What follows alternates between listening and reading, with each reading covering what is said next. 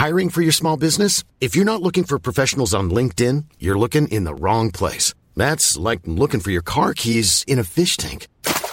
LinkedIn helps you hire professionals you can't find anywhere else, even those who aren't actively searching for a new job but might be open to the perfect role. In a given month, over 70% of LinkedIn users don't even visit other leading job sites. So start looking in the right place. With LinkedIn, you can hire professionals like a professional. Post your free job on linkedin.com slash people today.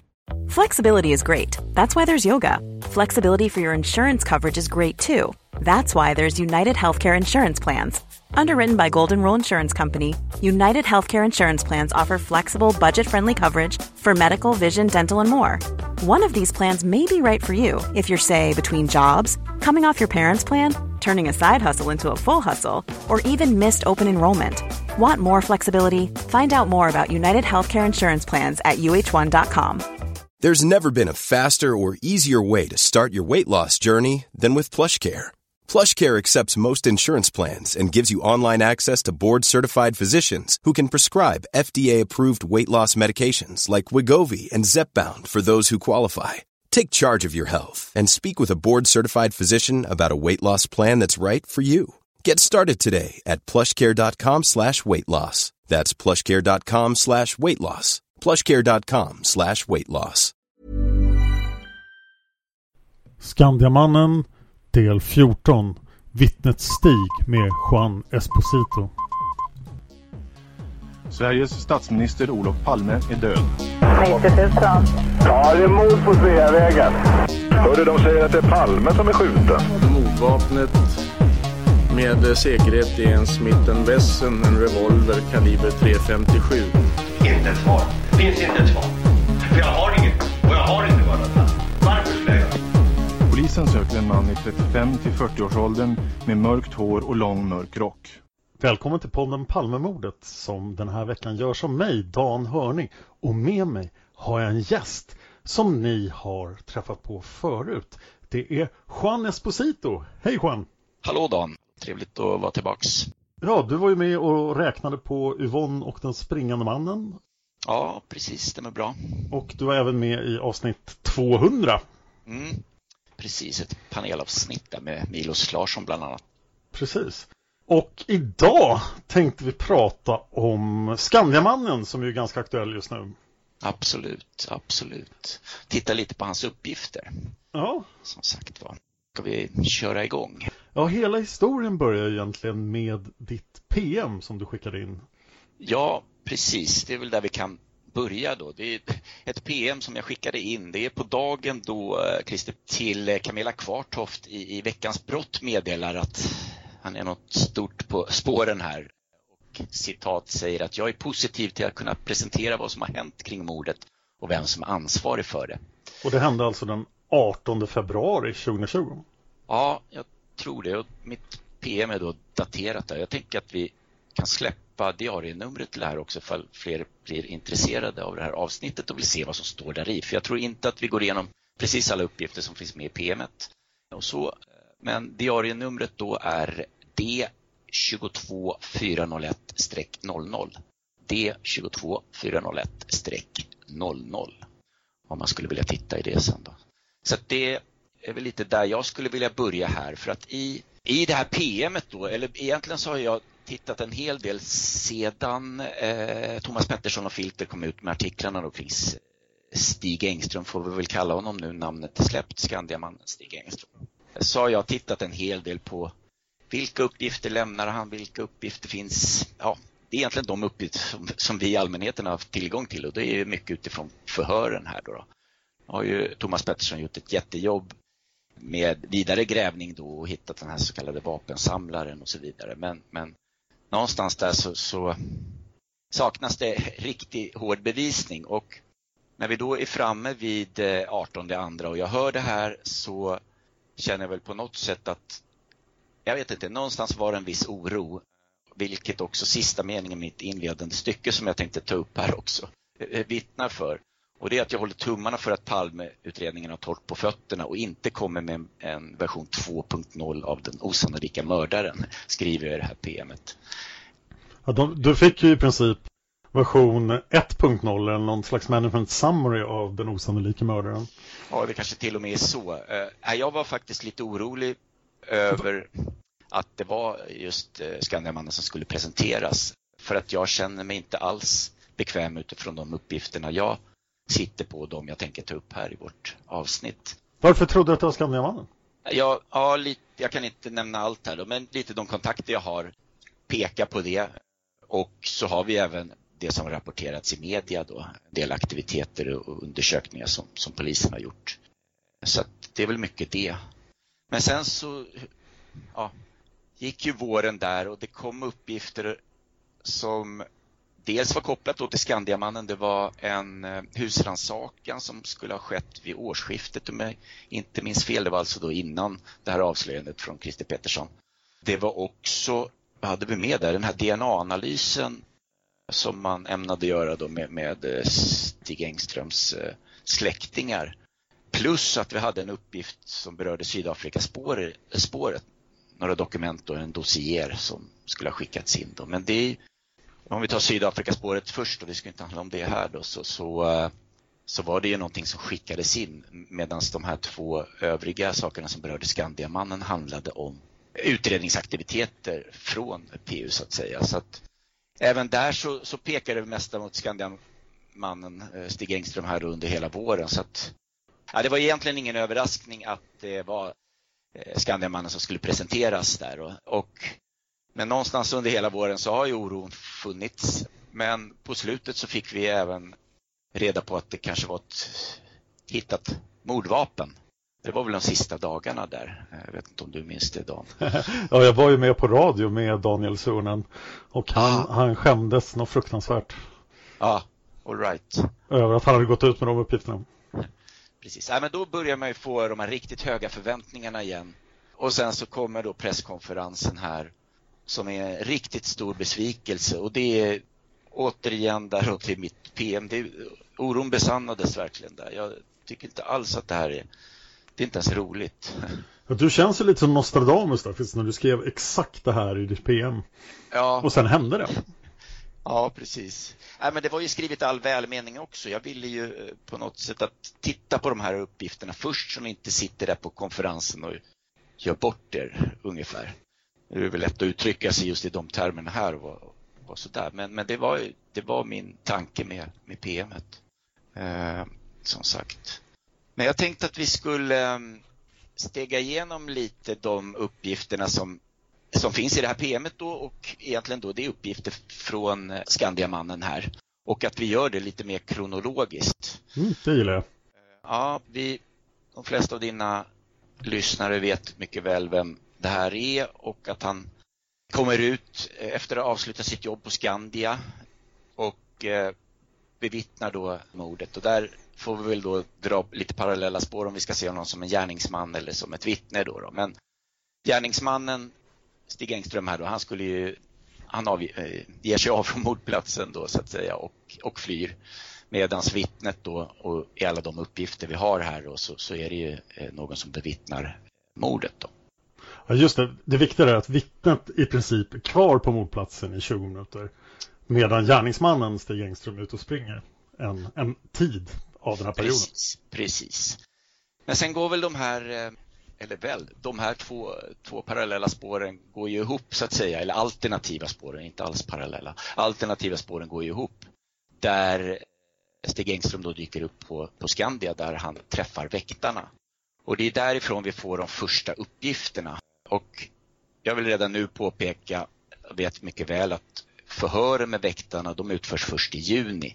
Det är först då Ja, det har flyttat en del mellan broarna. Eh, vi har en viss osäkerhet då kring att väktarna har pratat med varandra de har säkert pratat med Stig under, under tid, eh, tiden fram till dess då, så att säga. Men man kan ju ändå tänka sig att det är en ganska stark minnesbild här.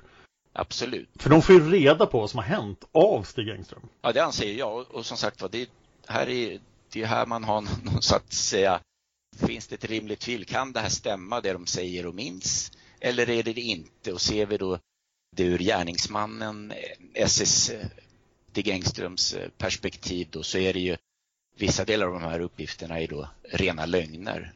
Och vi kommer väl också se det om man ser, ser Stig Engström då som, som en, ett vittne att det även är uppgifter som kanske är svåra att få ihop med sanningen. Att han tummar på den, ljuger eller kanske försöker göra sig viktigare än vad han egentligen är. Då. Ett, ett viktigare vittne.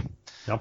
Och jag tänkte börja med väktare Anna-Lisa G då som eh, får en uppgift av, eh, av Stig Engström om att det väller fram blod ur munnen. Och det är typiskt ett sånt vittnesmål som man skulle kunna tänka sig att kan verkligen en, en gärningsman ha uppfattat detta? En flyende gärningsman, att det väller fram blod ur munnen. Det är mycket möjligt. Vi har eh, Nej, men vi har vittnesmål om att, om att gärningsmannen vänder sig om på trappkrönet och blickar tillbaks. Där är också frågan, ser man det? Eller är det så att, att eh, gärningsmannen väntar så pass länge på, på, på eh, mordplatsen att, eh, att man kan se att det, det väller fram blod i munnen? Eh. Kan han inte bara återvänt till mordplatsen även som gärningsman? Absolut. Och det har jag inte med i mitt PM här, eh, men kan väl säga det redan nu att de gånger jag diskuterat på, på sociala medier och i grupper och sådär så är väl det det är väl så jag har sett för att förklara allt det här. Om det nu skulle vara så att Christer Petersson och Hans Melander hade kommit mot, mot några superfasta bevis bortom rimligt tvivel som kan knyta eh, eh, Stig Engström då till det här brottet så, så ser jag många av de här förklaringarna kanske ändå blir så pass svåra så att det mest sannolika är att han återvänder eller är en återvändande gärningsman innan han slutligen springer tillbaks till eh, Skandia eller går tillbaks till Skandia och träffar väktarna här. Så att absolut. Eh, men, men en sån grej är väl ganska så osannolik i sig då möjligen. Men, men det har jag sett som och det var ju lite det jag såg framför mig här också när Christer Petersson och Hans Melander skulle komma med de här tunga bevisen, att jag skulle få sitta här med mina uppgifter och försöka förklara dem i efterhand. Eh, för jag tror, alltså man behöver inte förklara dem om man har fasta bevis som verkligen binder Skandiamannen till, till det här brottet så, så ja, då behöver vi inte förklara dem här. Men jag vill ju göra det för mig för jag har ju retat mig på dem och tycker att det här pekar ju definitivt på att han har varit på plats efter, efter skotten. Man kan ju också tänka på att om man har kommit tillbaka till mordplatsen som gärningsmannen, då är ju Palme förmodligen inte kvar där. Nej. Och då kan och för sig, någon kan ju berätta för honom att blodet vällde fram i munnen, men ja. Precis, och det är väl lite det som är grejen här också i det stora hela, att det vi läser i förhören, det är bara en bråkdel av det som sades vid mordplatsen och att uppgifter går isär eller inte stöds av andra eller som just i fallet med Stig Engström att ingen har sett honom på plats. Jag ser inte det som speciellt konstigt. Däremot vill jag ju påpeka att det är konstigt utifrån de uppgifter vi har om alla hans aktiviteter, att han skulle ha jag kommer ju komma till dem för det är en del av de här uppgifterna, men att han skulle sprungit in i gränden, att han skulle vända, eh, ha, ha vänt eh, Palme i framstupa sidoläge och så vidare. Men eh, är han vittnet som skarvar lite grann? Eh, så absolut, det finns, det finns allt rimligt tvivel säger jag och jag vill fortfarande, och det är väl lite det som är poängen här för mig idag också, bara försöka slå ett slag för, för Skandiamannen som vittne. Vad har vi mer för uppgifter? Ja, precis. Eh, vi har andra väktaren då, Henry O, som, som får uppgiften just att Palme vändes till, till rätta. Och likt det som jag var inne på med det här med blod i munnen då, kan en, en flyende gärningsman ha kunnat sett att Palme vändes till rätta? Ja, absolut skulle det kanske kunna vara möjligt då om vi säger att det tar en minut från mord, eh, mordplatsen för gärningsmannen upp till trappkrönet eh, där vittnet Lars Gido säger att gärningsmannen kastar en blick tillbaka så kanske han uppfattar det och kan komma med en sådan förklaring. Mm. Eh, vi har också en annan uppgift eh, till eh, som eh, Stig Engström kommer till Henry Ome som handlar om att någon utförde konstgjord andning. Även där är det också en fråga på hur, hur, hur snabbt den konstgjorda andningen sattes igång av eh, de övriga vittnena nere på mordplatsen. Då. Men det här är uppgifter som eh, pekar på tiden efter skotten och en flyende gärningsman borde inte kunna känna till allt det här. Men då kan det finnas andra förklaringsmodeller då som att, eh, som jag var inne på tidigare, att väktarna har pratat med varandra, de har pratat med Skandia fram tills att de förhörs i, i Hi, this is Craig Robinson from Ways to Win, and support for this podcast comes from Invesco QQQ, the official ETF of the NCAA. The future isn't scary. Not realizing its potential, however, could be. Just like on the recruiting trail, I've seen potential come in many forms as a coach. Learn more at Invesco.com slash QQQ. Let's rethink possibility. Invesco Distributors, Inc.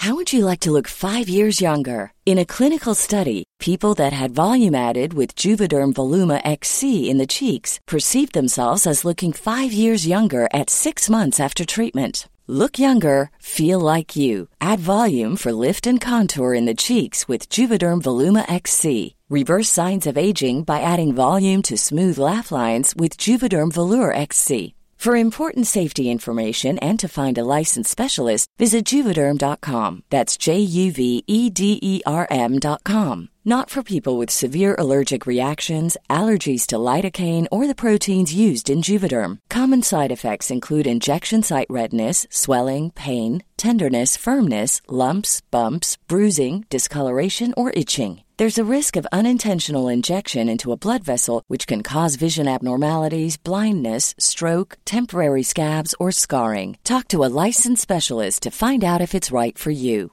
If you're looking for plump lips that last, you need to know about Juvederm lip fillers. With Juvederm Volbella XC and Juvederm Ultra XC, your lip look, whether it's subtle or bold, can last up to one full year with optimal treatment and no additional maintenance. Find a licensed specialist and see if it's right for you at juvederm.com today. That's J U V E D E R M.com. Add fullness to lips in adults over 21 with Juvederm Volbella XC or Juvederm Ultra XC. Do not use if you have severe allergies or a history of severe allergic reactions, or if you're allergic to lidocaine or the proteins used in Juvederm. Tell your doctor if you have a history of scarring or taking medicines that decrease the body's immune response or that can prolong bleeding. Common side effects include injection site redness, swelling, pain, tenderness, firmness, lumps, bumps, bruising, discoloration, or itching. As with all fillers, there's a rare risk of unintentional injection into a blood vessel, which can cause vision abnormalities, blindness, stroke, temporary scabs, or scarring. For full important safety information, visit juvederm.com. i juni då. Vi har en annan uppgift här om där eh, Stig Engström tycker att polisen var väldigt brysk eh, mot Lisbet Palme eh, som han nämner till Anna-Lisa G, den andra väktaren. Det här är också något som ingen jag har försökt att, att, se vad kan vi finna stöd i de här uppgifterna någonstans. Jag har inte hittat det någonstans mer än att Gösta Söderström, då, första, första poliskommissarie på plats, nämner i tingsrätten om hur han försöker få in Lisbeth i bilen men hon vill inte medverka i det för att citera honom mm. eh, korrekt. Då. Och det är intressant för det hände ju ganska kort efter skotten. Ja. Då pratar vi 27-28 kanske? Det är möjligt. Jag har inte tittat på tiderna där, men det, det, det handlar ju lite om att Gösta Söderström har problem att få, och det kommer vi också återkomma till i alla de här uppgifterna då. Han har ju lite problem att få fram signalementsuppgifter. Så man kan ju tänka sig att det, det här var ett försök att få in henne där och, och lugna ner henne eh, och eh, så att säga få henne att och i lugn och ro då berätta om, om signalementet då på ja. gärningsmannen. Då. Det jag menar är att det borde gärningsmannen Stig haft väldigt svårt att se. Även om man kommer tillbaka till mordplatsen. Så måste ja, han vara tillbaka till mordplatsen väldigt fort för att hinna uppleva det. Bra att du säger det. Och det här är också... Nu är vi ju i... Vi är å ena sidan klockan 23.45 eh, när, när Stig Engström ska, ska ha sagt de här uppgifterna. Å andra sidan så är vi framme i juni när de tecknas ner i ett, ett korrekt polisförhör. Då. Det, det måste ju få mig att ifrågasätta en annan sak. För att här är alltså professionella väktare som är jättenära mordet. De har inte märkt mordet, men man tycker rimligtvis att de borde märka uppståndelsen utanför. I en operation dörrknackning borde man inte prata med dem först. De hade ju till och med kameror. Mm. Och då, då ska polisen inte ha pratat med dem förrän i juni. Nej, det, det är helt otroligt. Och det var väl Där är jag ju överens med Christer Petersson och Hans Melander om, om polisutredningen i början här. Det var ju, eh, ja. ja. För det här verkar ju onekligen vara de första förhören med väktarna. De har ju inte blivit förhörda tidigare. Precis, vi får väl se nu då. Vi... Det är fullkomligt skandalöst. Försöka få ut vittnesförhör. Men det, det är ja. de första, det här är ju de uppgifterna vi har haft att spela med. Det här är det vi har gått, haft och gått på och det är de jag liksom vill, vill kommentera här. För lite här med den här uppgiften då, för att ta den som, exempel, som ett exempel, och det finns ju fler, så det är ingenting som har framgått i media vad jag kan tänka mig att polisen skulle vara väldigt brysk mot, mot Lisbeth Palme. Det, jag, jag förstår inte vart Anna-Lisa G skulle kunna ha fått den uppgiften ifrån. Och det är inget annat vittne som säger det? Nej, men sen är det ju just det. Okej, vad får det för stöd någonstans? Är det enda som, som man ser en antydning till det då, det är, det är just Stödeström som försöker sätta Lisbeth Palme i bilen, säger han. Men hon vill inte medverka till det. Visst, och, och sett det då ur ett gärningsmannaperspektiv, varför behöver eh, Stig Engström säga de här sakerna? Många av de här uppgifterna handlar ju om att sätta honom som, placera honom som vittne på mordplatsen. Han gör ju det med endast en och två av de här uppgifterna, men istället så babblar han på.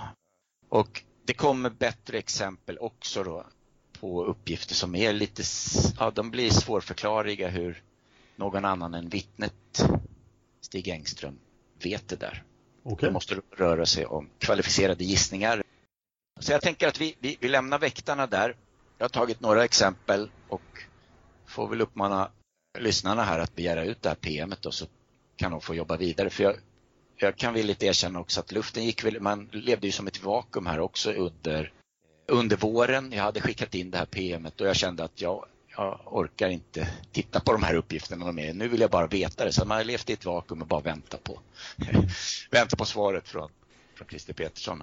Och där någonstans så, nu är det lite tillbaks på ruta ett och det är därför det känns viktigt att få lyfta de här på nytt och diskutera dem ett varv till. För jag tycker på något sätt som sagt att de här ger tvivel till att peka ut en person som faktiskt har sagt de här sakerna. Eh, finns det någon anledning att du inte vill publicera PMet bara rakt av? Nej, det finns det egentligen inte. Det är att jag skäms lite över att jag skickat i all hast där jag, jag har källanvisningar till några. Och det var liksom att jag, ja, i all välmening då, gör ja. inte bort det. Okay. Men absolut, jag står ju definitivt för det som står mm. där i. Och jag kan ju också tillägga att några av de uppgifter jag kommer ta med idag står faktiskt inte i PMet utan har jag återfick lite energi här då efter utspelet så tillsammans med andra här så, så har vi ja, hittat lite eh, så att man, ja, Nej, men eh, precis, vi lämnar väktarna där och nästa gång då som, som eh, Stig Engström lämnar uppgifter det är dagen efter då han försöker eh, få tag i sin utstämplingstid. Och han har faktiskt ringt runt lite grann, men han hamnar ju där vi har ett förhör då, då är det från eh, Roland B då, som, som är, han jobbar på personalavdelningen men har ansvar då för in och utpasseringen. Ja. Så han är ju den som plockar fram det här. Så att där i, i, i samtalet med honom så lämnar han en rad uppgifter och en av de som har florerat som inte har någon endaste betydelse egentligen för skuld eller oskuld är uppgiften om män som där Stig Engström har blivit beskylld för lögner är att uppgiften om att Stig Engström påstår att man ring, ringde från tidningar i Oslo bland ja, annat. Det låter ju ganska märkligt. Ja, precis. Men det visar sig ju mycket väl att det, han har varit i kontakt med Oslo för den 3 mars så postas nämligen en artikel med Stig Engström i Aftenposten. Hur, hur fick han kontakt med Oslo? De kan ju inte ha hittat honom, han måste ha hittat dem. Ja, precis. Jag misstänker ju att det är ett samarbete då med Svenska Dagbladet som han eh, uppenbarligen var i kontakt med för att dagen innan den andra i tredje så hade, eh, var Stig Engström med, med i Svenska Dagbladet då. Men att eh, de har kontakt med varandra och det är genom eh, någon journalist på Svenska Dagbladet som de får Stig Engströms namn. Ja, så då skulle han alltså ha ringt svenska tidningar tidigare på morgonen då, innan 11.40? Absolut. Och visst, det är, det är uppenbarligen så att det är han som har kontaktat Svenska Dagbladet då, eh, för att vara med där. Återigen där då så, så tar det här med gärningsmannafrågan så är det ju, ja, det är väl Thomas Pettersson som har eh, skrivit om teorin där att få med sitt, sitt namn och bild då för att å, återigen placera sig som ett vittne. Mm. Så. Men lite att göra här också med de beskyllningar av lögner som Skandiamannen har fått stått, stått ut. Så, så ja, som sagt var, de har ringt från Oslo och återigen då, varför ljuga om en sån sak? Och eh, vid det här tillfället då 11.40 då på lördagen så vad, vad är poängen med att ljuga och hur får han då ihop hur får han då ihop den här lögnen då med att den tredje i tredje så finns det ju en annons, eller en annons, en artikel med honom i eh, Aftenposten. Alltså vi, vi har egentligen då kommit fram till att han inte ljuger om det här men att gärningsmannen Stig skulle kunna ha ringt runt till tidningarna för att få ut sin bild och att vittnet Stig skulle kunna ha ringt runt till tidningarna för att få uppmärksamhet. Ja, absolut. Jag ser ingenting som har med, skuld eller oskuldsfrågan att göra här utan det är egentligen mer bara att få ihop det här med att, att han inte ljuger, att han ja. talar sanning. Och nu vet inte jag hur de som har beskyllt honom för osanning då har formulerat sig men jag hävdar ju det att om det nu skulle vara osanning och har han då pusslat ihop sin story genom att själv kontakta Aftenposten här efter samtalet med Roland. Där, där och då har kommit på att oj nej, nu ljög jag. Nu måste jag försöka pussla ihop min lögn här så att det inte, ja. ja. Nej, det blir ohållbart utan jag ser det här som en definitiv sanning. Men som har levt med som en lögn genom ja, de åren jag har tittat på det här och läst om mm. Skandiamannen. Då. Sen har vi uppgifter till Roland ytterligare där om att man, och här kommer det väl fram också kanske första gången, det är lite otydligt i Före med väktarna då, men att här säger han att vi vände honom i framstupa sidoläge. Och vidare där i eh, uppgifterna till Roland så, så förtydligar han det att vi var några stycken som eh, gjorde det, alltså vände Palme i framstupa sidoläge. Och här tycker jag att man får fog för att Palme har vänt sig framstupa sidoläge. Frågan är här, och här har jag inte gjort den bakgrundskollen också då, om det här är en uppgift som framkommer i media tidigare på, på förmiddagen eller i nyhetssändningar då. Men det, jag är tveksam till om framstupa sidoläge finns med här. Men jag tycker definitivt att vi ser det här stödet i flertalet av uppgifter. Både Stefan G då som gör mun mot mun metoden. Vi har eh, även hans kompis Anders E som också gör lite anspråk på att vara delaktig i den här manövern. Och här kan man ju då tänka sig att vittnet Stig Engström inte är med annat än att han kanske bara står vid sidan om och önskar att han vore med. Ja. Ett, ett sånt vittne. Som sagt. Men det borde vara en uppgift här som, som ja, gissar man som, som gärningsman. Det är en lögn i vilket fall som helst. Det är många lögner om man ser eh, eh, Stig Engström här som, som gärningsman. Och totalt sett så är det väldigt många uppgifter han kommer med. Så frågan är om det faller på sin egen orimlighet att det är så många uppgifter och så många lögner. Men i vilket fall som helst, vi, vi kan ta nästa här där han gör klart för Roland då att det inte verkar vara någon större fara med, med henne och det är då Lisbeth. För hon rusade ut flera gånger eh, i gatan och viftade på bilar och sa någonting om att min man har blivit skjuten. Där är också det är inte speciellt många som ger stöd för det här men vi har det stödet i Karin J. Det är alltså Anna H eller Anna Hage, hennes kompis som var med bland de första eh, framme vid mordplatsen som såg sin uppgift som att lugna Lisbeth. Och hon beskriver, hon var väl, och det är väl också det som är orsaken till att hon kommer med de här uppgifterna. De flesta var eh, säkert fokuserade på Palme i det här fallet och vad som hände där medan Karin J såg som sin uppgift att, att lugna Lisbeth. Och hon mm. säger i sitt förhör den 2 april att hon fick springa efter Lisbeth. Och det är också en sån här uppgift som känns jättekonstig både ur eh, perspektivet att det skulle stå med i media och likaså om vi nu ser eh, Stig Engström som en gärningsman. Ja, det, är, det händer också det där, den där tidsperioden som är väldigt svårt för gärningsmannen att uppleva. Om han inte då får höra det från folk i efterhand vid mordplatsen. Mm. Nej, men precis.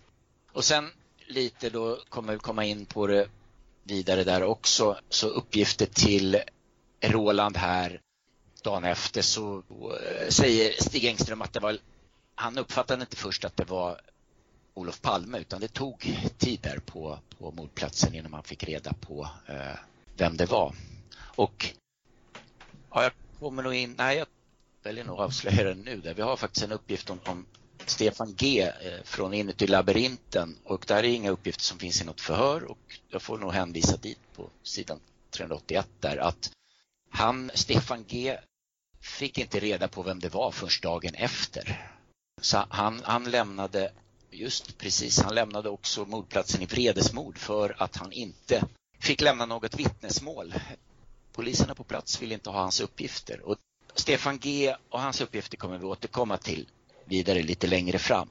Så. Men vi kan också påpeka det. Vi har en, en eh, rad uppgifter som, som går emot varandra här men som jag tycker liksom det, det är självklart att det ska vara så. Vi har bland annat uppgiften om, om det här med hur länge Stig Engström pratade med, eh, med väktarna innan han lämnade Skandia. Uppgiften eh, här från Roland Bergström är att han går direkt ut medan tidigare uppgifter med, med eh, Henry eller hur? Ja. ja, precis. Väktare Henry så pratade de ett tag. Så. Men jag finner det helt naturligt. Då. Men jag vill bara nämna det för att vara öppen liksom med, med uppgifter som går isär och så.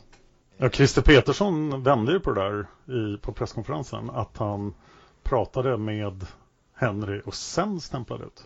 Ja, just det. Precis. Men de det var märkligt. Han har väl inte alla detaljer där, men de uppgifter vi har är att eh, stämplingsmaskinen då sitter på insidan innanför eh, recept. Så att, nej, jag vet inte. Eller så är det han som har rätt och det är uppgifter som vi inte har. Det får vi snart se, hoppas jag. Ja, precis. Precis. Jag lugnar mig där med de uppgifterna från Roland B och tänker att vi går till, till eh, Skandemannens egna förhör. Och det är bara, vad blir det då? då? Det är egentligen 40 minuter efter samtalet med, med eh, Roland Bergström. Det här är alltså på lördagen, den första i tredje klockan 12.20 som han ringer in. Och i de uppgifterna som han lämnar där då så, så får vi reda på det här med vittnet Lars inne på Tunnelgatan som också har varit en, en, en historia i sig då. Jag kan ta uppgiften först då, men han, han uppfattade det som en man i 20-årsåldern i mörkblå täckjacka inne på Tunnelgatan. Och nu vet inte jag, men jag tror det är, det är författaren Lars Larsson som i sin bok vill försöka göra gällande att det här är bara en uppgift eller det här är bara någonting som, som, en, som en flyende gärningsman kan se. Men jag tycker att det är att, att lura sina läsare där. Vi, vi vet att Lisbeth Palme också benämner eh, vittnet, vittnet Lars inne i gränden stå, stående stirrande tillbaka cirka en till tre minuter efter skotten. Om jag känner dig rätt så har du också testat det här på plats. Ja, absolut. Kanske inte just i de ljusförhållanden och inte med någon 20-åring, men, men, men det går som sagt, det går att se. Jag är övertygad om det och vi har ju som sagt var Lisbeth som styrker att det går att se någon där inifrån. Och det, för mig råder det inget tvivel om att det är, är vittnet Lars som ser. Men det här bevisar ju faktiskt att Stig Engström har varit på platsen i alla fall.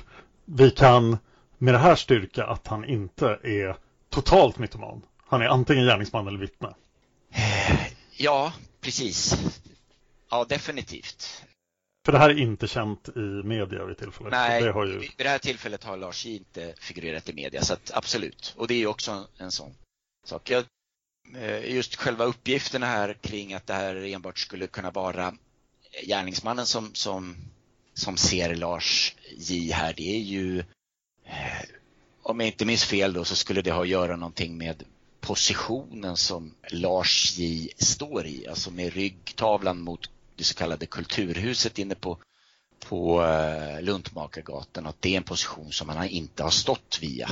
Och för mig, jag, jag får problem här, eller så är det jag som har miss, missuppfattat det. Men återigen då, jag skulle vilja slå, slå hål på myten om att det inte skulle vara görbart att se, se vittnet Lars från mordplatsen. Det har Lisbeth uppenbarligen gjort. Det stämmer ju otroligt bra med Lisbeths tredje observation av det hon tror är gärningsmannen. Precis. Framkommer hennes för, förhör den 7 maj vill jag minnas i, i slutet där. Hon också beskriver den personen som att den personen har samma stirrande blick ja, som den hon upplever är gärningsmannen. Då. Så att på något sätt där kan hon inte särskilja alla sina observationer. Vi vet ju också att Lars tittar tillbaka mot mordplatsen flera ja. gånger. ja precis, det, det framgår i hans vittnesmål också. Men så det är väl det jag skulle vilja säga om den uppgiften då. Men sen kommer vi faktiskt till en av de mest intressanta som jag tycker. Och det är att han nämner vad Lisbet Palme säger till honom. Och det är att gärningsmannen har en mörkblå täckjacka. Och då innan vi går vidare så vill jag egentligen att fokuset här ligger på att det är Lisbet Palme som säger den här uppgiften. Jag har gjort lite efterforskningar kring det här med mörkblå täckjacka när det dyker upp i media men framförallt eh, så kring själva uppgiften så är det som så att vi har kommissarie Åke Rimborn som även förhör Lisbet Palme på Sabbatsberg. Ja. Och skrev ett PM daterat då, ja det är någon gång där på natten, jag tror det är strax efter midnatt eller om det är strax innan kanske till och med. För att det problemet är det här med signalementet och han får till uppgift då att, att försöka förhöra Lisbeth om, om de här uppgifterna. Och det är att det är precis ordagrant. Lisbeth Palme säger att gärningsmannen hade mörkblå täckjacka. Och också säger till honom att gärningsmannen hade mörkblå täckjacka. Och det är alltså uppgifter här nu om att Lisbeth Palme har sagt det här som är det intressanta. Det har varit jättesvårt. Eh, klockan är 12.20 när Stig Engström säger det här. Då är frågan vad som har kommit ut i media och tidningar och så, eh, där är det uteslutande en lång mörk rock avseende gärningsmannens klädsel. Jag har dock hittat en uppgift om mörkblå täckjacka som framkommer i Rapports extrasändning klockan 04.00 den första i tredje. Där är det lite luddigt för att det framkommer flera beskrivningar av gärningsmannen. Det första är att gärningsmannen har en mörkblå täckjacka. Lite senare så framkommer det att det eventuellt är två gärningsmän och då kommer även signalementet en lång mörk rock. Men i övrigt så finns inte den här uppgiften om mörkblå, mörkblå täckjacka. Och då om man ser det då ur ett, ett gärningsmannaperspektiv så är ju frågan här, är det från den här tidiga sändningen då som, som, som Stig Engström får det här ifrån? Om vi nu ser honom som gärningsman. Det verkar ju troligare att han skulle välja rocken då. Ja. Men han vill ju inte ha ett signalement som liknar honom i och för sig.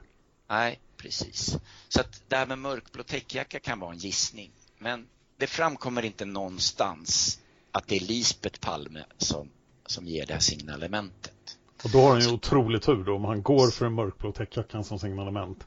Och så råkar Lisbeth ha sagt det till Rimborn. Så här borde det då, det är, det är en kvalificerad gissning. I, i, I, rollen som gärningsman så är det här, ja, eller kvalificerad, det är en vild gissning. Eh, det finns andra vittnen också, men, men det är en gissning då. Om vi säger så. Som sagt var att det är Lisbeth Palme som skulle säga det. Så den här uppgiften tycker jag, den är, den är mest, mest spännande. Då, det finns ju inte heller något annat ögonvittne som säger att Lisbeth har sagt det här på mordplatsen, eller hur? Nej, det är, det är i så fall därifrån. Och då har vi återigen det där med är han den återvändande gärningsmannen? Ja, men vi har, vi har inget vittne som säger det i något förhör att Lisbeth har sagt nej, det. Nej. Däremot finns det vittnen som kommer att säga mörkblå täckjacka. Absolut. Nu har jag inte det på, på rak arm vilka som har uttryckt sig så, eh, men det är ett signalement majoriteten handlar om, om att det är en trekvarts lång rock, men den varierar lite i färgen då från mörkblå till, till, till svart. Som sagt, men, det, men eh, ja, det är väldigt spännande uppgift det här. Som sagt, då får man ju ställa sig frågan då, men i, i rollen som gärningsman då, hur kan han känna till det här? Vi har även det här, ja, men hans språngmarsch också, jag var inne lite på det tidigare tror jag här just att kopplat till det här med att folk inte har, har sett honom på mordplatsen då, så är jag övertygad om att han inte företog en sån här snabb språngmarsch som vi, vi såg i, om det var Rapport med Folke Rydén som gjorde ett inslag med Skandiamannen eh, Stig Engström, om det var i april. Det borde på något sätt kanske ha skapat viss uppmärksamhet att det är någon som flyr. Då. Utan som vittne då så skulle man kunna tänka sig att han joggar först, springer sen och i, i eh, eh tv-inslaget här så vill han, vill han ja, visa att han kan springa fort helt enkelt.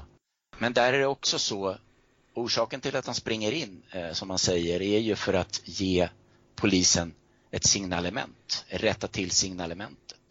Vi har uppgifter hela tiden under kvällen där om att det är svårt att få fram signalementsuppgifter och Gösta Söderström eh, vill ju få någon till SAB för att förhöra Lisbet när hon väl är där. Vi har på mordplatsen så vill han ju få Lisbet själv att, att eh, tala om eh, signalementet för honom då. Och i de förhör och intervjuer vi har med Gösta Söderström så ja, han får ju inte ut rätt signalement. Det är därför det dröjer. Det är en del i hela ja, fördröjningen av händelseförloppet där också. Betyder det att piketpoliserna inte har ett signalement när de springer in i gränden? Ja, det är min, min uppfattning.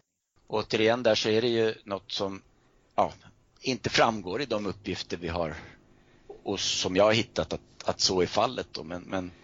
Man, man kan ju mycket väl tänka sig att vittnet Stig tror att polisen har den här signalementuppgiften. Det kan ju stämma. Ja. Så att han, han ger sig av efter dem. Men det som sticker ut för mig är ju att han inte hinner ikapp dem. Det går ju inte särskilt fort för dem. Nej, precis. Nej, det är också kanske lite mystiskt där. Och när jag väl kommer fram till Luntmakargatan så är de borta. Vi har ju också uppgiften om, om en av piketpoliserna där Gädda som, som springer efter lite senare då. Han hittar ju igen sina kamrater. Ja, de har ju stannat och pratat med Yvonne och det går ju inte jättefort. Nej, precis. Så varför han ger upp eller inte, det är, det är en brist. Vi har ju inte de uppgifterna. Så, att... Nej. så och ja, ur gärningsmannaperspektivet då så är det väl på något sätt att med den uppgiften så kan han säga att det var som vittne jag sprang in för att kunna rätta signa, äh, berätta signalementet. Då. Men i det här fallet så, så är det ju sanningssägaren eh, Stig Engström då så är det ju för att rätta det felaktiga signalementet för uppgifterna som han också kommer med i det här förhöret det är att han har ju sitt, sitt egna, egna signalement på mordplatsen. Och det borde han rimligtvis inte höra någon då eftersom ingen har gett något signalement. Eller höra något slumpmässigt vittne som bara står där och säger att det är så. Men just eh, vittnet, vittnesuppgifterna där så, så har vi ju vittnet Yvonne N som når slutligen mordplatsen och lämnar ett signalement. Och jag tror att det är eh, Wikström, eh, en av polisen i polispiketen som, som, som också kommer med den uppgiften. Och nu börjar jag nog kunna sy ihop de här delarna och det är väl det som blir problemet och också orsaken till att Stig Engström här skulle, eh, skulle springa efter. Och, då springer han långt senare, för då har ju Yvonne hunnit ner. Precis. Och det är på något sätt där då som det skulle möjligen då förklara varför han inte hinner ikapp dem. Men uppfattningen jag har det är ju att han springer eh, långt senare. Och då skulle det också kanske inte vara lika anmärkningsvärt för vittnena runt omkring att någon ger sig in i gränden, för då har det gått så pass lång tid. Nej, precis. Man uppfattar inte det som, som, som en flyende gärningsman helt enkelt, utan att det är någon annan. Men, men ändå, det borde kanske uppmärksammats av någon. Men det kan man tycka om många av de här uppgifterna. Men återigen då, så i de här förhören så är det det sades säkert jättemycket saker utanför som inte finns på pränt någonstans. Ja. Det är glömt av de som var med. Vi har det inte nedskrivet eh, och så. Man får ju inte hela, det är inte en film liksom där vi har alla repliker och sådär utan det är, det är faktiskt verkliga livet där. Men återigen här också tycker jag Visst, jag kan sitta här och spekulera och, och så och försöka försvara eh, Stig i det här fallet då. Men, men det är ju lite här då kopplat till vad, vad vi just har bevittnat. En presskonferens där man pekar ut en person men inte kommer med något bevis så är det återigen att ja, nu har de lagt ner utredningen så de kan inte plocka upp mitt PM där med. Och jag vet inte ens om de tittade på det heller. Men, nej. men nej, det är fog för tvivel här. Jag, jag ser definitivt en, en, att han mycket väl kan prata sanning, kanske inte sprang lika fort men att han, precis som han redogjort för, hör eh, sitt sitt egna signalement som han eh, uttrycker sig i förhöret där då, men att det, och det, och det är det som man har tagit fasta på när man vill peka ut Stig Engström här. Det är ju signalementet som, som lämnas på, eller som, som eh, vittnet Yvonne så att säga uppfattar på David Bagares gata och den springande mannen där. Ja, Stig har ju onekligen valt en olämplig klädsel den här kvällen. Eftersom han passar så bra in på signalementet. Men... Han har haft otur med klädseln. Han har haft otur, ja. Ja, precis som vi ser det. Å andra sidan är väl en ganska stor procent av antal människor den här Stockholmskvällen klädda ungefär så här. Ja, det tror jag. Det är möjligt det där med, med lågskorna, men det beror på. Det, man har kanske säkert lågskor på sig när man ska in på restaurang och så vidare. Och... Ja, det är väl inte så konstigt att lågskor om man jobbar på kontor. Liksom. Du vill inte springa omkring i kängor hela dagen. Liksom. Då ska du ha ett par bytesskor där. Vet, under mina år som kontorslav så gick jag nog ofta i lågskor när det var sex grader kallt. Ja, nej men precis. Så, nej men visst är det så. Men jag, jag skrattade till här lite när du ställer den här frågan för det är också så att vi, man bör ställa sig frågan ur två perspektiv här. Menar vi Eh, Stig Engström som vittnet eller menar vi Stig Engström som, som gärningsmannen då? I det här fallet berörde det ju kläderna och eh, är det inte planerat eller någonting så, så var han ju där för att jobba oavsett om han var gärningsman, en eh, blivande gärningsman eller ett, ett vittne. Då. Men flera av de här grejerna så får man se det ur, ur, ur de två perspektiven. Men jag vill ju fokusera på honom som, som vittnet här nu. Nu har Christer Petersson sagt sitt och nu vill jag återigen lyfta de här punkterna. Och det var då förhöret, eh, den andra i tredje, det är ganska kortfattat då. Han ser polis springa in i gränden säger han, plus det här då med att han sprang efter poliserna i gränden. Och han tror att det signalement som lämnats kunde gälla honom själv. Och det kan man ju se då som en direkt orsak också till att han springer efter poliserna i gränden. Och sen så beskriver han då hur han själv var klädd. Och en sån uppgift då får man ju se ur det här perspektivet som vittne eller som gärningsman. Där han i rollen som gärningsman har all, all orsak till att ljuga om sin klädsel eh, också. Men här kan man ju då tänka sig att han har lite begränsade möjligheter till det eftersom han faktiskt har träffat väktarna två gånger, både på vägen ut och efter mordet. Då. Just det. Sådär. En annan uppgift då, och den tror jag framkommer tidigare även med eh, i förhöret med väktarna är att han uppfattar det som en avgassmäll.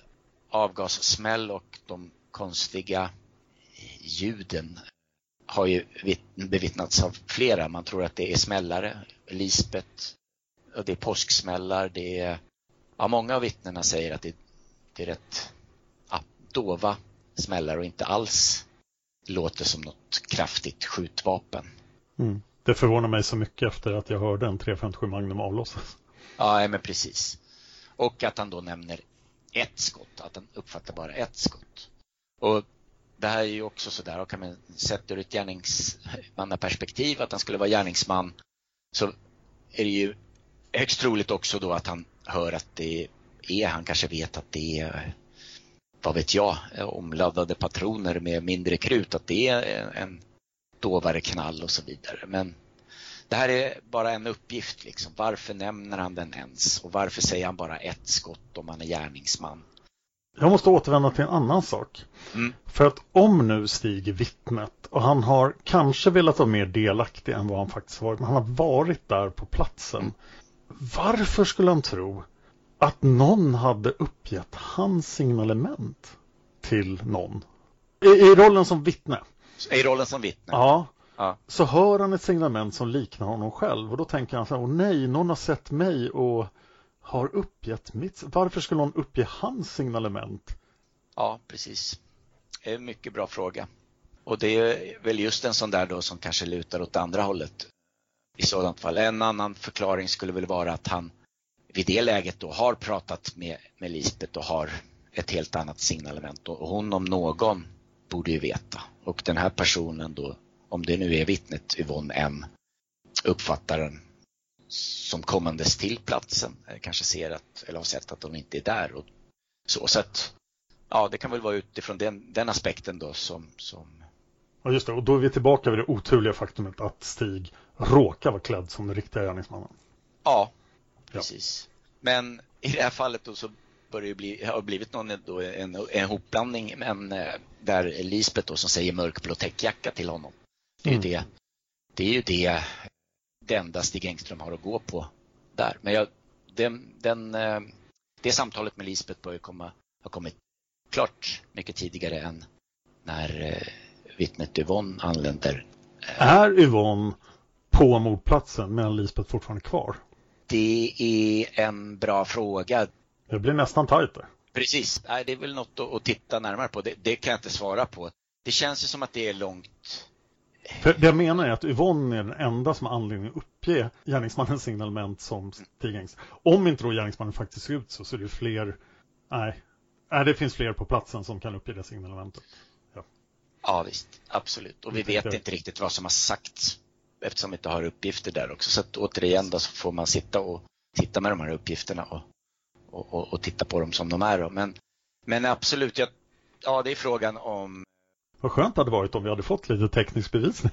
Ja, absolut. Vi kan sitta här och, och, och bolla fram och tillbaks. Men rent kronologiskt så uppgifterna till Stig Engström från Lisbeth om en mörkblå täckjacka kommer innan. Det är jag helt eh, övertygad om.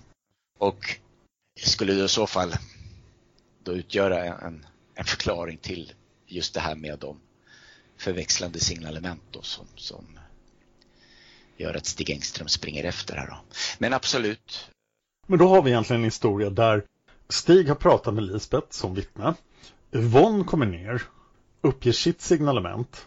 Då inser han att det här är fel för Lisbeth sa mörkblå täckjacka och då bestämmer man sig att springa efter. Men det är ju långt senare. Då är poliserna uppe och ränner vid, vid polisman Fs bil. Ja, vi vet långt inte, ja, precis. Vi vet ju faktiskt inte hur långt, hur långt efter ja, hur långt efter han är då. Men, eh, jag menar om Yvonne har hunnit, hunnit tillbaka, då ja. är ju poliserna långt borta.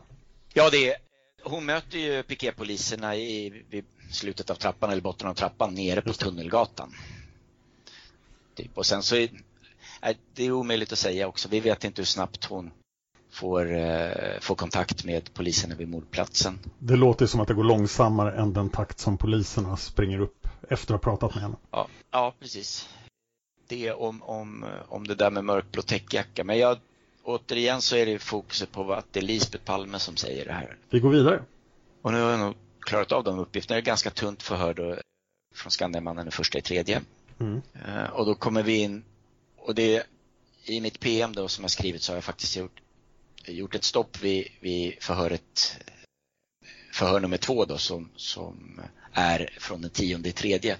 Då har det ju gått tio dagar sedan mordet och det är en hel del som har, har eh, passerat i media och, och så vidare. Men som sagt jag tror att det finns all del att titta på, titta på uppgifter även i senare förhör eh, faktiskt. Eh, för att se om det framgår i media överhuvudtaget eller om det och hur de skiljer sig. Han upprepar ju en hel del. Eh, det kommer, likväl som för andra vittnen, så kommer det ytterligare detaljer så att säga. Han, eh, i, i det här förhöret då så återupprepar han det här med att eh, Palme vändes i framstupa sidoläge. Om eh, Lisbets varande på mordplatsen, om att hon ropade efter ambulans ett par gånger i minuten. Uppgifter om hur och det är nog här han kommer. Ett annat exempel här är att han uppfattar att polisen kom efter tre fyra minuter. Och här är just en sån där uppgift där jag inte har kollat upp exakt vad som har florerat i media. Nu är det den tionde tredje. Det är, det är tio dagar och det är många tidningar. Vi vet väl att Stig Engström läser Svenska Dagbladet men han, han läser kanske andra tidningar också. Och han tittar säkerligen på, på nyheten också. Då. Eh, men 3 till fyra minuter ligger i linje med vad de övriga vittnena har uppgivit eh, om, om tiden för polisens ankomst. Då, eller ja, hur lång tid det tog innan polisen ankom. Och det är också här första gången som man säger att han pekar vart gärningsmannen sprang. Eller hur? Ja, ja, precis. Det är också en uppgift som, som kommer fram i det här förhöret. Då. Och där har vi andra uppgifter, eller hur? Om vem som pekar ut riktningen. Ja, precis. Först så är det väl så att i det här förhöret så, så är det Lisbeth Palme som för honom pekar ut vägen och vidare så är det Stig Engström som, som pekar ut för polisen. Men det tror jag faktiskt vi har i, i eh, tidigare förhör. Nej, det har vi faktiskt inte utan det är i, i det här förhöret som man kommer med den uppgiften. Men precis som du var inne på, det är många som pekar åt poliserna här. Vi har eh, taxichaufför Hans J som pekar åt piketpoliserna. där är det nog, råder det nog inget tvivel om att han, han pekar ut vägen. Men vi har även eh, en, ett annat vittne som kom med bil eh, som heter Jan-Åke S. Som också gör anspråk på att ha pekat ut riktningen för poliserna. Det är väl inte jätteorimligt att poliserna skriker Vart tog han vägen? Och så pekar flera personer åt det hållet. Nej, men det tycker inte jag heller. Så att, eh, absolut det är en uppgift som jag... Alltså jag, jag kan inte... Och vad har den med, med... eh, Nu är vi ju den tionde i, i tredje, tio dagar efter mordet. Och vid det här laget så borde han som gärningsmannen Stig Engström ha placerat sig som ett vittne. Alltså han ville ju göra allt för att verka som ett vittne. Och att då börja hitta på nya grejer som att ja, som uppgiften då med att peka ut vägen för polisen och så vidare. Är det, vad får han ut? Det har ju hävdats då att då har ju folk sett honom stå med en höjd arm lite grann Ja, som han det. höll i en pistol. Ja, just det. Ja, precis. Nej, nej men precis, det kanske är lite långsökt. Men man kan tänka sig att han ändå vill fylla på med uppgifterna för att placera sig en 14 en 15 gång som vittne på mordplatsen. Då. Men det man bör tänka på här också, det är att varje lögn är ju en risk. Och han tar väldigt många risker med de här lögnerna. Och en sak som jag känner att jag missat att ta upp tidigare men som är väldigt viktig här, det är ju det att media första dagarna rapporterade en massa med felaktigheter. Ja. Nu vet jag inte om det är Svenska Dagbladet som, jo men jag tror att det är Svenska Dagbladet som dagen efter skriver att, att Olof Palme blev skjuten med två skott i bröstet eller blev skjuten i bröstet. Om vi nu tänker oss eh, Skandiamannen här som en gärningsman och, och läser de här uppgifterna så vet ju han att det där är ju fel. Jag sköt ju Palme i ryggen med ett skott. Att då börja använda sig av uppgifter i media när det har stått lite fel, det är ju riskabelt i sig. Hmm. Så att, ja, jag vet inte. Man tar en risk i alla fall. Och jag, jag vet inte hur man ska klassa gärningsmannen, Skandiamannen, som en smart person eller som en korkad person och risktagande eh, sådan. Men, men det är också något sånt där som jag reflekterar över att vi har en hel del fel och samtidigt så är just de här lögnerna, det är, de är en risk i sig. Men ingen av de här felen slinker in i Stigs vittnesmål från media. Tänkte du på något, alltså Nej, jag tänker bara någonting som, som var fel. Jo, det är väl fel. Ja, det beror på vem vi, vi pratar om här. Mörkblå täckjacka till exempel. Det är ju, Ja, det är sant. det, den är väl fel ur ett perspektiv. Men ehm, Jag tycker det är intressant här att Ja. han uppger att signalementet pratar om stålbågade glasögon. Nu. Det sa han väl inte i förra förhöret? nej, precis. Nej. Och det kommer ju från grannmannen. Det är ingen Ja. som har sett vid mordplatsen. Precis. Och här är också då frågan om man tittar med det ena eller det andra ögat då, om man som gärningsman kommer med de här uppgifterna. Varför tar han upp stålbågade glasögon här? Är det då för att för polisen försöka göra sig oskyldig? Sannolikt är det väl så.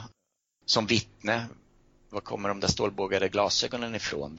Det kan ju vara vanlig vittnespåverkan att han har ju faktiskt läst tidningarna och sett stålbågade glasögon. Ja, men han- precis. Och det är den enda förklaringen jag har här då, för att uppgifterna i förhöret är att han hör det här. Och det, då om vi, vi eh, pratar om uppgifterna där på, på mordplatsen så skulle det då i det här fallet förmodligen, eller kanske sannolikt vara vittnet Yvonne N. Men hon har inte sett några stålbågade glasögon. Det ser vi ingenting i hennes vittnesmål. Då. Så där det här kan det vara någonting som han har fått för sig och det är inte alls ovanligt att, att detaljer börjar ja, ändras och man börjar minnas fel. Det finns ju väldigt många exempel på. Ja. Ja, men det är ju det som är det stora här. Det är det som är den stora svårigheten också. Att dra för stora växlar på, på de här uppgifterna. Men det är väl lite det som har gjort mig lite brydd och, att jag tittat på de här. Det är alla de lögner som Skandiamannen har beskyllts för. Som jag blev lite intresserad av. Och återigen då så blir det ju väldigt många lögner om man ser honom som gärningsman. Men, men som, som vittne så finns det några stycken. Men ja, som vi var inne på med språngmarschen. Den sker kanske så långt efter så att det är ingen som reflekterar över den. Eller han kanske inte gör det på det sätt han visade i, i nyhetssändningen med Folke Rydén där. Att han springer lika snabbt. Ja, just det, för han vill öka sin egen viktighet. Ja, precis. Det är ju liksom den andra sidan av det här. Att han kanske är det här det vittnet. Han vill vara det bästa av alla vittnen. Det här är det mest spännande som har hänt honom. Ja, men en, precis. En fråga till dig som jag har tänkt väldigt mycket på Yvonne. Skulle Yvonne ha sett ett par stålbågade glasögon om den springande mannen hade haft det? Du tänker på det, lite avstånd och... eh, Ja, hon verkar inte se ansiktet så Nej, himla bra. hon gör inte det. Nej, det, det har ju ingen aning om. Det är omöjligt att svara på en sån fråga. Eh, så då. Men hon... Oh, jag minns inte hennes vittnesuppgift på rak arm sådär. Men jag tror att hon är uppe i ansiktet och tittar och pratar om mannen som springer där inte har något skägg eller någonting. Men Just det. ja, jag, vet, jag vet inte. Nej, men jag tror att det är, det är svårt också. Stålbågade glasögon, de är ganska... Det är tunna bågar.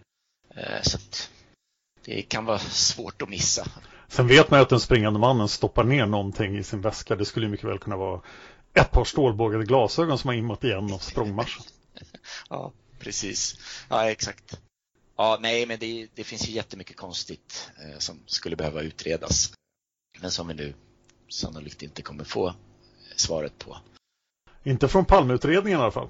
Nej, det är väl vi själva som får, får, får gräva här och det är ju, ja, se hur, hur lyckosamma vi kommer vara. Men en, ja, jag tänker att vi kollar på sista punkten som jag tänkte ta upp här i förhöret den tionde tredje. Eh, och det är att Stig Engström frågar en polis om de ville ha hans namn.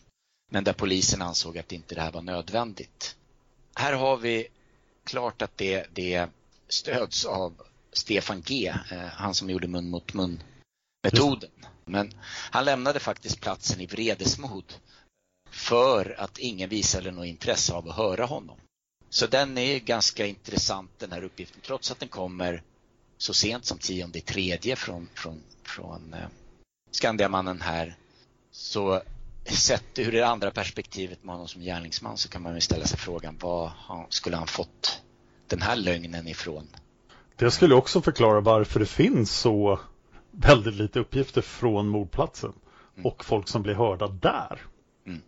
Nej, precis. Och då skulle, jag vet inte, hörde jag det i presskonferensen eller att polisen trodde inte, eller de visste inte att det var Olof Palme i det här laget. Så att de tänkte, ja men nu har vi ju vittnen, det här är ett vanligt mord, så här, det här räcker säkert. Nej, men precis.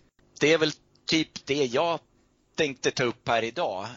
Kanske har känts och hörts som lite spretigt sådär. Men det är, måste jag väl säga då, att det, det återspeglar lite det här PMet som jag skickade den 18 i andra. Det var lite i all hast där. Och som jag sa tidigare så har jag inte grottat ner i alla de här uppgifterna. Eh, Men det här är ju frågor som Palmeutredningen borde ha funderat på. Speciellt nu när utpekandet blev så löst.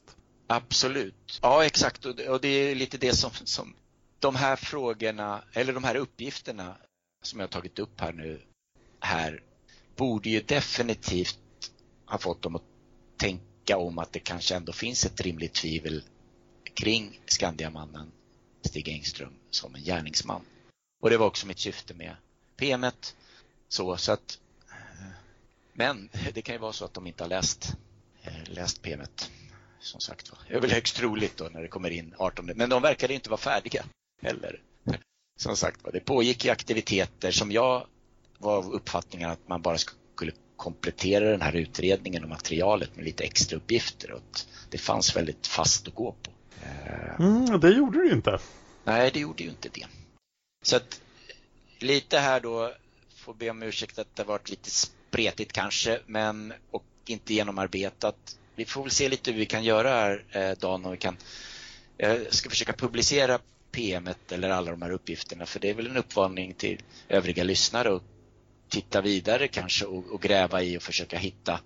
Och även ni då som, som, som tror på Skandiamannen som, som eh, gärningsman bör ju titta vidare och kanske försöka förklara en del saker. Jag hade ju sett framför mig just som jag med, med risk för återupprepning i det oändliga, men en fast bevisning som eh, en teknisk bevisning som hade varit så fast och otvivelaktig så att jag inte ens behövt bry mig egentligen om de här uppgifterna. Men jag hade ju ändå tittat på dem ändå för att försöka förklara dem med mitt egna huvud. Men, men... Om, om du hade fått välja den tekniska bevisningen, vad hade du velat se på presskonferensen? Ja, men det är ju självklart ett, ett mordvapen som går att knyta till gärningsmannen då. Om, om vapensamlarens vapen hade varit mordvapnet, hade Mm. det då verkligen varit bevisat Det hade Nej. ju talat starkt för det, men Ja, absolut. Nej, det hade ju inte varit, det hade ju klart varit hetare, men det absolut inte. Utom rimligt tvivel. Vapensamlare ja, har väl kanske fler, alltså vi kan inte lägga ner utredningen heller där, utan då är det ju utreda övriga kontakter som man hade, vänner, bekanta, andra och så vidare. Så att, det känns ju som att vapensamlaren hade sådana sympatier att han skulle kunna gå och koppla till alla möjliga individer som varit misstänkta för Ja. Palmemordet. Ja, precis. Ja, precis. Det är ju möjligen så då. Jag vet inte om du har sett bilderna på, på vapnet nu då. då. Den Jo. nu, nuvarande ägaren har ju ja, gått ut i media här. Och det är ett jättefint vapen. Det är ju, ja, ytan såg ju sprillans nytt ut och jag, jag har lite svårt att se en vapensamlare som lånar ut det där vapnet. Också då om vi liksom tillåter oss spekulera lite att han skulle låna ut det till sin vän Stig Engström. Det är möjligt att han inte kände till det. Nej, precis. Och då är det ju också konstigt att en vapensamlare med så fina vapen inte har bättre koll på dem. K- kanske det. Men om han visste vad vapnet hade använts till, varför skulle han då behålla det? Ja, precis. Som sagt var det. det, ja, egentligen är det, det är en, eh, ett, ett annat avsnitt tror jag. Jag vill inte spekulera för mycket Nej. i det där. Jag ser bara konstigheter. Jag får, jag får svårt att inte få in vapensamlaren då som en del i det hela. Men nej, jag vill inte spekulera vidare Nej, faktiskt därför. det kanske inte behöver göra just nu, men vid något tillfälle. Få- ja, precis, absolut. Ja, men vi skulle fokusera lite på de här uppgifterna. Då. Jag tror jag fått med några av dem absolut som jag anser vara viktigast för att visa på att Stig Engström var på mordplatsen efter skotten. Men som du var inne lite på eh, och vi snuddade vid vid något tillfälle. Man skulle kanske kunna tänka sig honom som en återvändande gärningsman. Och det måste ändå ta lite tid för honom att komma tillbaka. Och det är mycket av det här som händer ganska kort efter skotten. Ja, precis. Och, och ja, som sagt med den risken och vad det innebär.